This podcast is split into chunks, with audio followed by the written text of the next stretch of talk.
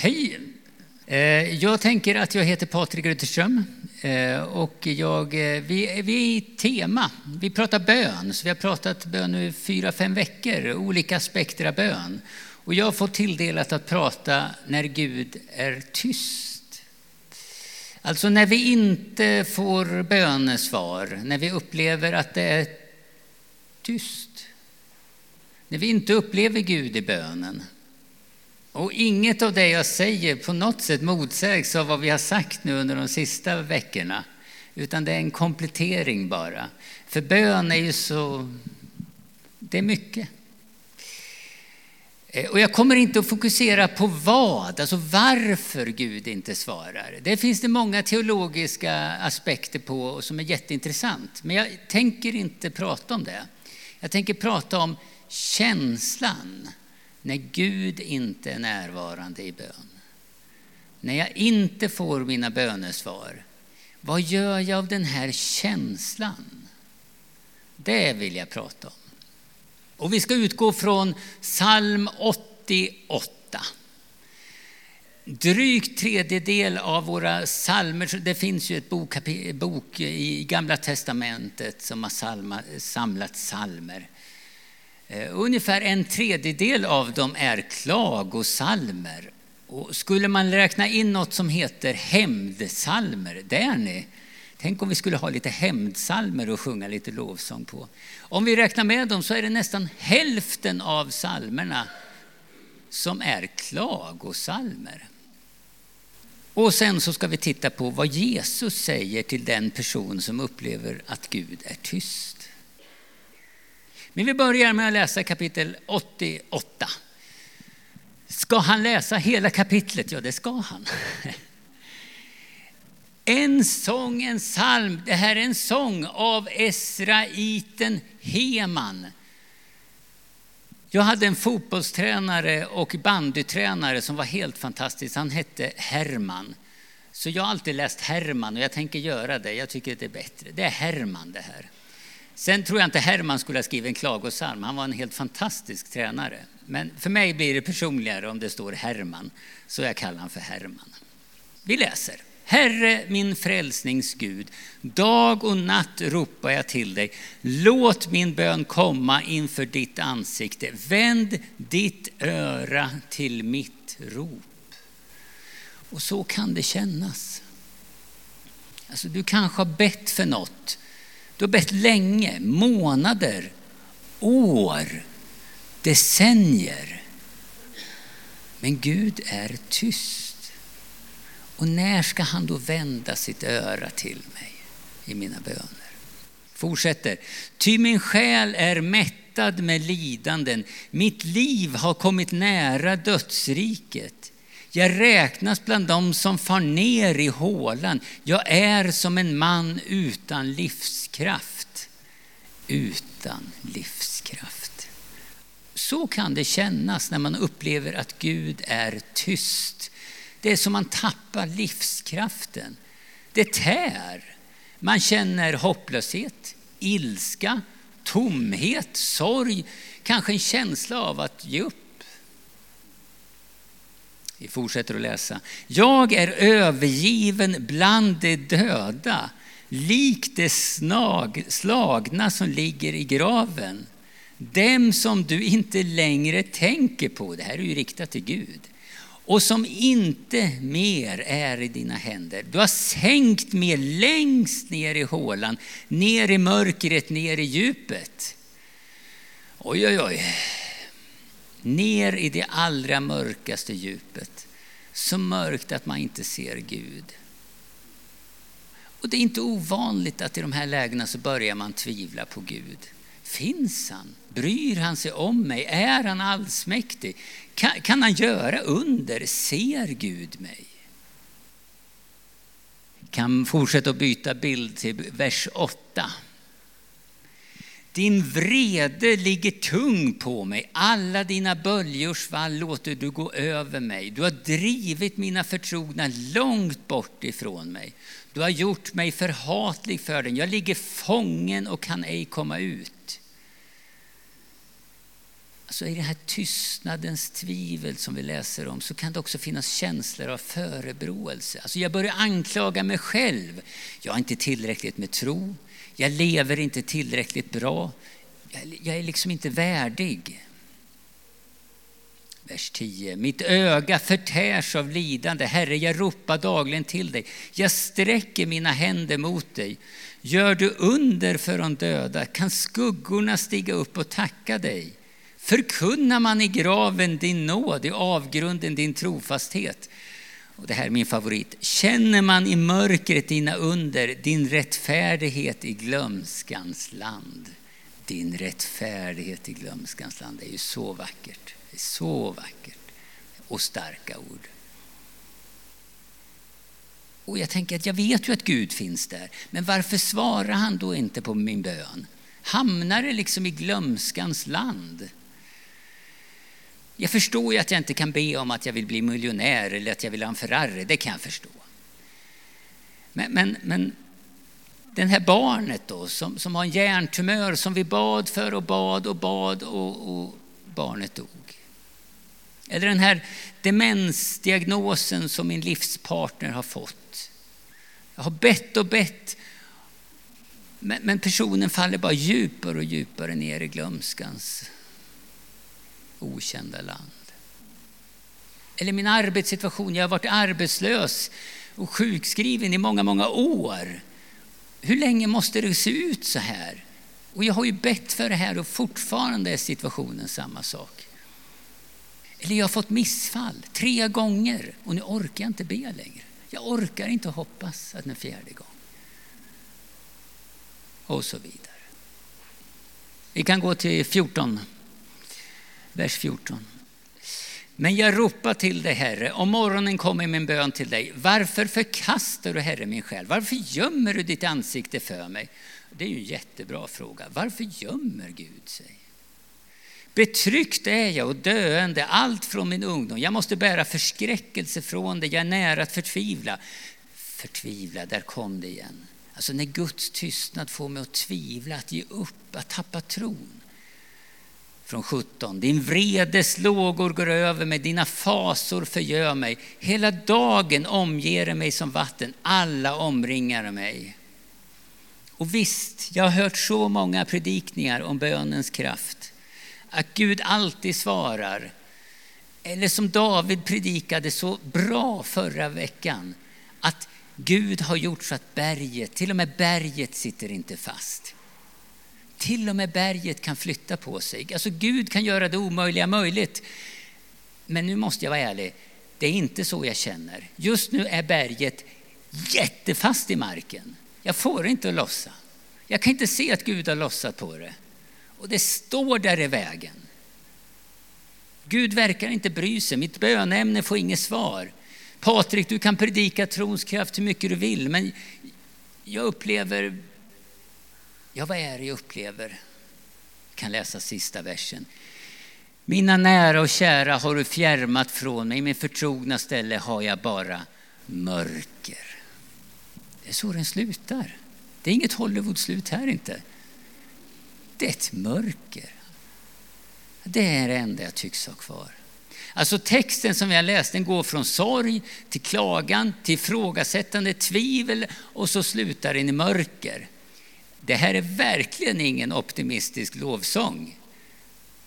Det är ju ingen sång som vi sjunger, ni vet, så stor är vår Gud, sjung med mig, eller han är min sång och min glädje. Ni förstår varför jag spelar piano. Men, men, eh, men det är ju inte en så, men det här har sjungits. Det här har sjungits. Skulle jag sitta på en reklambyrå och, och, och fundera på Guds varumärke och försöka profilera Gud på bästa sätt så är det knappast sådana här texter som jag skulle liksom föreslå. Men ändå vill Gud att de här texterna ska finnas med. Gud vill att vi ska läsa de här. Min absolut favorit i, i Psaltaren finns inte med här. Men, men, den är från psalm 39 och 14. Då står det så här han ber eller sjunger till Gud och så säger han Vänd bort din blick så att jag kan glädjas innan jag går bort och inte mer finns till. Ja men hallå! Alltså det är ju så negativt så jag blir nästan glad i själen när jag läser sånt. Vänd bort din blick så att jag kan glädjas innan jag går bort och inte mer finns till. Så får att återvända till frågan jag ställde i början. Vad ska jag göra då med de här känslorna? Tvivel, ilska, sorg. Vad ska jag göra då? Och då tänker jag att Herman ändå kan lära oss, eller han pekar på tre saker i den här texten. Ett, dölj aldrig för Gud vad du känner. Ni vet, känslor ljuger aldrig. Alltså det jag känner, det känner jag. Känner jag sorg, så känner jag sorg. Känner jag att Gud är tyst, så känner jag att Gud är tyst. Sen är inte alltid våra känslor så bra vägvisare, men det, det, det är en annan predikan, det får vi ta en annan gång. Men vi mår inte bra av att ljuga för oss själva. Och riktigt tokigt blir det när vi försöker ljuga inför Gud. Gud som känner oss bättre än vad vi själva känner oss. Alltså Gud vet om dina frågor, Gud vet om vad du bär på. Gud vet om all denna, de här känslorna. Men han vill att du nämner det för honom. Varför då? Därför att han vill ha en relation med dig. Han söker dig. Och i en relation finns det stunder i livet då man går igenom svåra saker. Gud vill höra vad du innerst inne känner och upplever. För det är så en relation ska fungera i kärlek. Nummer två. Och, och nummer två blir att vi, får, vi ska svara på två frågor, tänker jag. Vi ställer två frågor till den här texten vi har läst. Ett. De här mörka tankar och känslorna som vi får, ska vi agera som allt är okej okay ändå? Ska vi sätta upp en fasad som att allt är ändå bra? Herman, han tänker inte alls så. Herman har en helt annan tanke. Han tycker absolut inte. Låtsas inte som att allt är okej. Okay. För vi behöver vara ärliga i vår kamp. Du kan inte sätta upp en fasad mot Gud. Han vet ditt inre fullt ut, mer än vad du själv gör. Han känner ditt innersta rum. Och ändå så tror vi, jag pratar till mig själv, att jag kan lura Gud ibland. Men den enda jag lurar är ju mig själv. Mina känslor och tvivel blir allt värre. För när du är ärlig mot Gud så blir han inte överraskad. Gud vet redan. Men när du är ärlig mot Gud så öppnar du ditt eget hjärta för ett helande av känslor. Så var ärlig mot Gud. Däremot kan du och jag ibland vara väldigt lyckliga, eller eh, vi kan vara duktiga på att sätta upp en fasad mot andra människor. Vi kan sätta upp en väldigt skicklig fasad så att andra tycker att oh, Patrik han, han har ju ett fantastiskt fint liv. Det kan vi lyckas med. Och jag tror inte att, vi, att jag är ensam om att försöka sätta upp en fasad. Men inte heller där ska vi göra en fasad. Jag tror inte vi ska vara transparenta mot alla. För någonstans, men jag tror det är oerhört viktigt att du har en eller några personer som du kan vara ärlig med. Som du kan gå med dina tvivel, med, med, med, med dina frågor, med din ilska mot Gud och få prata med någon om det. För det är först när du är ärlig i vad du känner som det är möjligt att hjälpa varandra. Och det tredje vi kan lära oss av det här det är att fortsätta rikta vår blick mot Gud.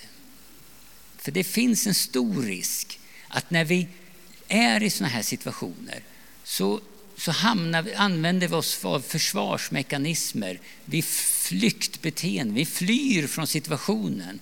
Vi drar oss undan Gud. Vi lämnar församlingsgemenskap, vi, vi slutar be, vi drar oss undan. Vi vill inte framstå som hycklare. Vi tror kanske att andra dömer oss eller tänker att de ser ner på mig. Det är en väldigt, väldigt vanlig och mänsklig reaktion. Men Herman, han är av en helt annan åsikt. Istället för att dra sig undan och fly så går han till Gud och anklagar Gud. Han kastar alla känslor på Gud. All ilska, all sorg, alla tvivel, alla besvikelse. Och det är ju inte en klagan i tomma intet han kastar ut, utan han gör det som en bön. Och jag tänker att så får vi göra precis som Herman. Precis det du bär inom dig av alla de här känslorna, ja, men kasta det på Gud. Du mår bara dåligt att bära det själv. För Herman, han är övertygad om att när jag kastar det på Gud så kommer det att kunna påverka min tillvaro till något bättre. Gud vill höra din klagan. Gud vill att du ska vara ärlig. Han kommer aldrig att backa undan. Och idag när vi lever i ett samhälle där vi ser en ökad psykisk ohälsa hos framförallt unga människor så är det ju oerhört viktigt att vi predikar klagosalmer. Därför att idag så, det enda sättet vi förklarar, förklarar den psykiska ohälsan är med psykiatriska termer. Men de här salmerna, de får oss att kunna förklara det som gör ont, det som, det som, det som tar i i vårt inre med andra ord. Med mer existentiella, andlighet. Jag tror det är oerhört viktigt. Så hur skulle Jesus då bemöta någon? Vi ska ta ett sista exempel. Hur skulle Jesus bemöta någon som har de här tankarna? Hur skulle han möta mig när jag liksom går med de här tankarna? Jag vet inte, det här är smått narcissistiskt, men om, om du frågade mig Ja, det kommer du inte att fråga. Men, men jag skulle vilja åka till månen. Om någon frågar mig, skulle du Patrik vilja åka till månen imorgon? Så skulle jag säga ja direkt. Utan tanke på konsekvenserna eller någonting. För tänk att stå en mörk kväll, gärna tillsammans med några. Och så ser man fullmåne och så kunna säga till dem, där på månen har jag gått. Alltså det är ganska mäktigt. Tänk, där har jag gått. Det är inte så många som har gjort. Det är smått narcissistiskt, jag vet. Men den personen jag tänker berätta om, det är ännu större. Han är omnämnd i Bibeln. Det är väldigt få. Jesus är omnämnd i Bibeln och har själv kunnat uppleva att man pratar om honom. Alltså I Gamla Testamentet så finns det jättemycket texter om Jesus. Och, och Jesus liksom var ju liksom den som, som förebådades där. Men det finns en person till som också nämns i Gamla Testamentet och det är Johannes stöparen. Eh, han nämns i Jesaja att han ska, han ska vara den som banar väg för Jesus. Så i 600-700 år efter att Jesaja har skrivit det här så har människor väntat, väntat. Alltså det är ju som om vi skulle ha 1400-talet här eller något sånt där om jag gör en snabb matematisk. Fredrik är mycket bättre på matematik än jag. Men jag tror 1400-talet och fram tills nu så, så, så har folk väntat. Generation efter generation, när ska Johannes dyka upp? Och så kommer han. Han föds och han vet att han har ett viktigt uppdrag. Han är helt överlåten detta uppdrag. Han går ut i öken. Han lever i öken, lever i bön där. Han döper folk och säger att ni måste ha syndernas förlåtelse. Och så säger han, det kommer snart. Kristus kommer snart. Han, han har kläder av kamelhår. Jag skulle vantrivas i kamelhår tror jag. Men, men, han har kamelhår, står det i Bibeln. Han äter gräshoppor och honung. Står det också. Det, det måste ju vara lite crunchy müsli-känsla på den eh, måltiden. Eh, jag vet inte om man skulle fixa den. Eh, och så en dag får han se Jesus och då pekar han på Jesus och säger han, se Guds lamm som tar bort världens synd. Han lever helt överlåten sin uppgift. Han får döpa Jesus.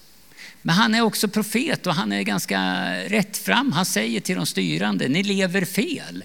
Och det vill inte de styrande höra, så han fängslas. Och sen avrättas han genom att halshuggning.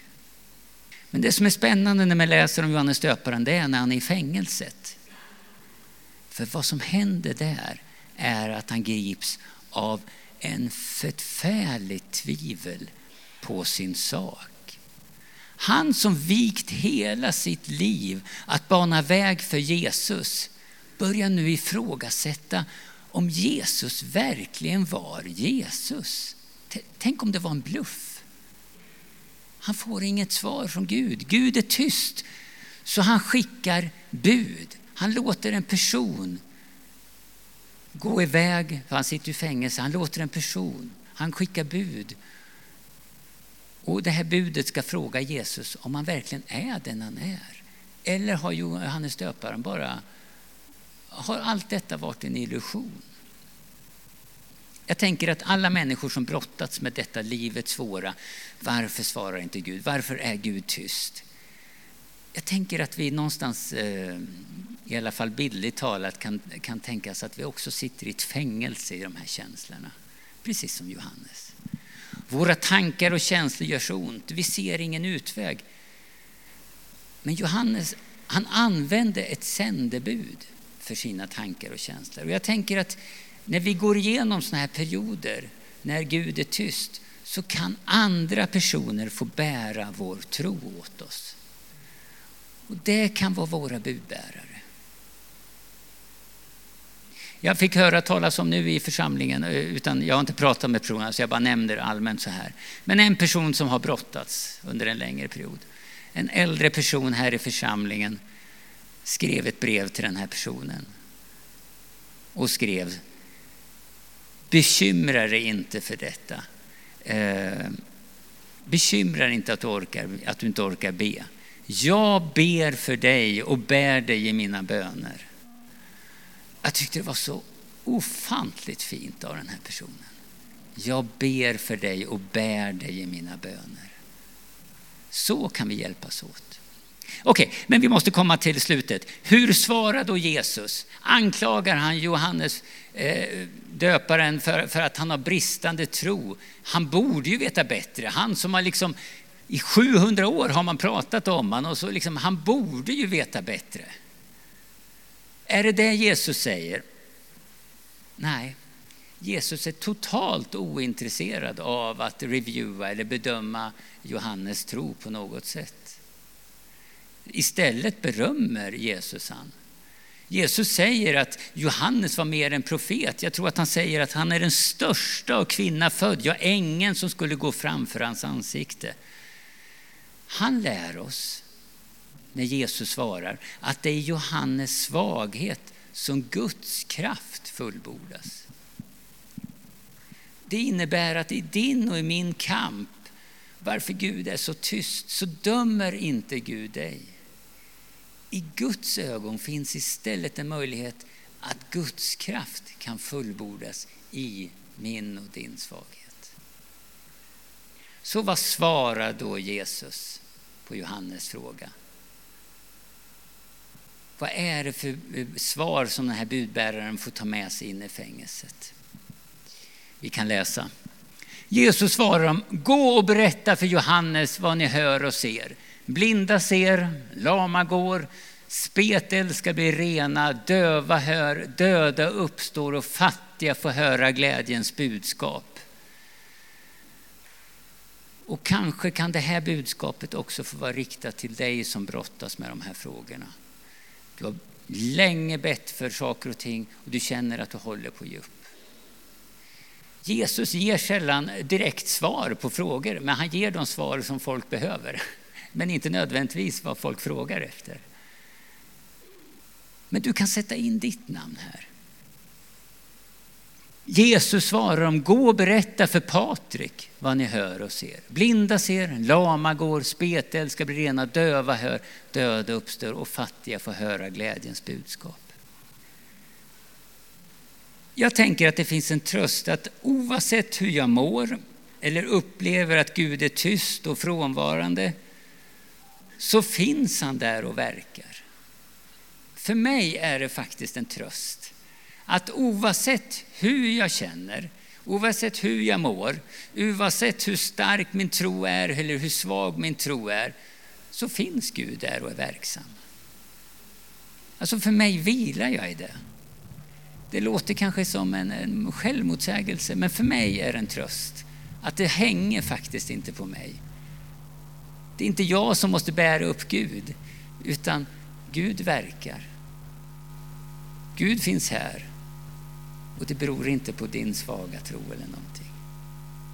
Utan Gud finns här. Och det sista skulle jag säga det är att den klagan som leder till bön har aldrig varit.